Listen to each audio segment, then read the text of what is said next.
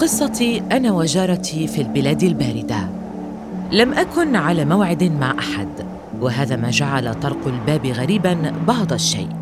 هذه أوروبا الباردة البلاد التي تتوجس فيها من مصيبة في كل مرة يرن فيها هاتفك وفي كل مرة يطرق فيها بابك من دون موعد مسبق. فتحت الباب. لأجد امرأة عشرينية تمسك طفلتين بكلتي يديها وترتجف. أدخلتها من دون أن أسأل. أعرفها من بعيد.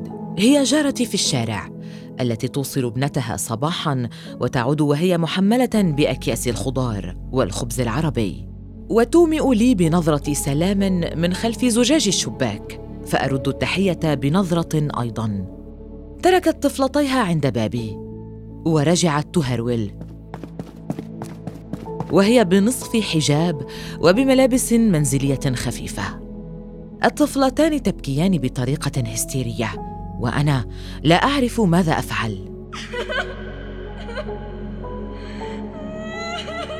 جثوت على ركبتي أمام الكبيرة ومسدت على شعرها فهمست في أذني.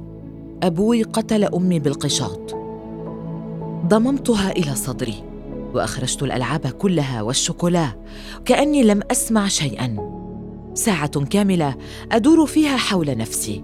ماذا أفعل؟ هل أتصل بالشرطة؟ هل علي الإبلاغ عنه الآن؟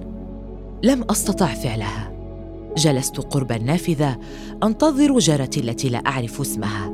ثم رأيتها من بعيد تمسح دموعها بكم قميصها ووقفت عند الباب. وطلبت أن تأخذ البنات فدعوتها لتناول فنجان قهوة بعين عليها وأخرى على النافذة. شيء من الخوف تملكني. شعرت بأن خلفها وحش سيأتي ويقتلنا جميعا. يلا البيوت كلها فيها مشكلات. روقي جملة مفتاحية قلتها لأسرد لها كيف يمكنها الاتصال بمراكز حماية المرأة.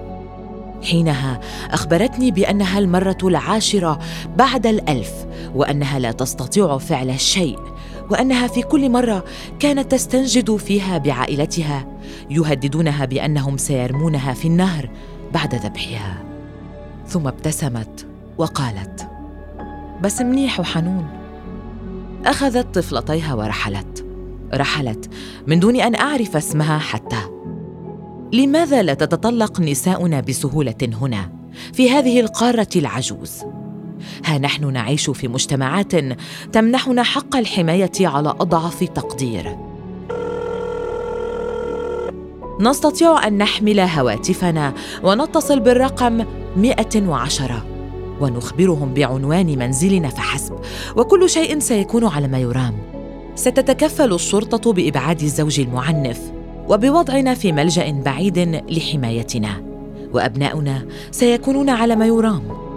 أخذتني الأفكار وبدأت أبحر في دموعها. ربما نحن اللواتي نحمل موروثا شعبيا ودينيا يقسمنا نصفين. نحن اللواتي نخاف من اللوم ونخاف من الاتهامات.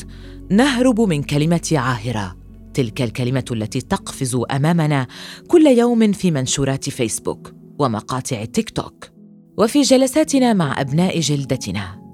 شفت العاهرة؟ اتطلقت بس وصلت إلى ألمانيا. نخاف من أبنائنا وعليهم. نخاف من السكاكين. وربما نخاف من أن نطير لأنهم زرعوا فينا أننا لم نحلق يوما. في اليوم التالي مررت بجانب نافذتها فكانت نوافذ المنزل كلها مكسورة وملصقة في شكل بلاصق بني سميك. بعد أسبوع لمحتها وقد ارتدت بيجامة رياضية وردية وكان وجهها أقرب إلى لون البيجامة. ابتسمت فابتسمت. شعرت حينها بأن هناك رائحة انتصار تفوح من حولنا كأن هناك شيئا من القوة وكأنها قفزت لتتناول حقها من السماء وهبطت. قاطعت حبل أفكاري وقالت قبل أن أسألها أي شيء؟ اجى عقد عمل بعيد بولاية تانية. صار يجي يوم الأحد كل أسبوعين بس. ضحكت بصوت عال عانقتها. شو اسمك؟ آية.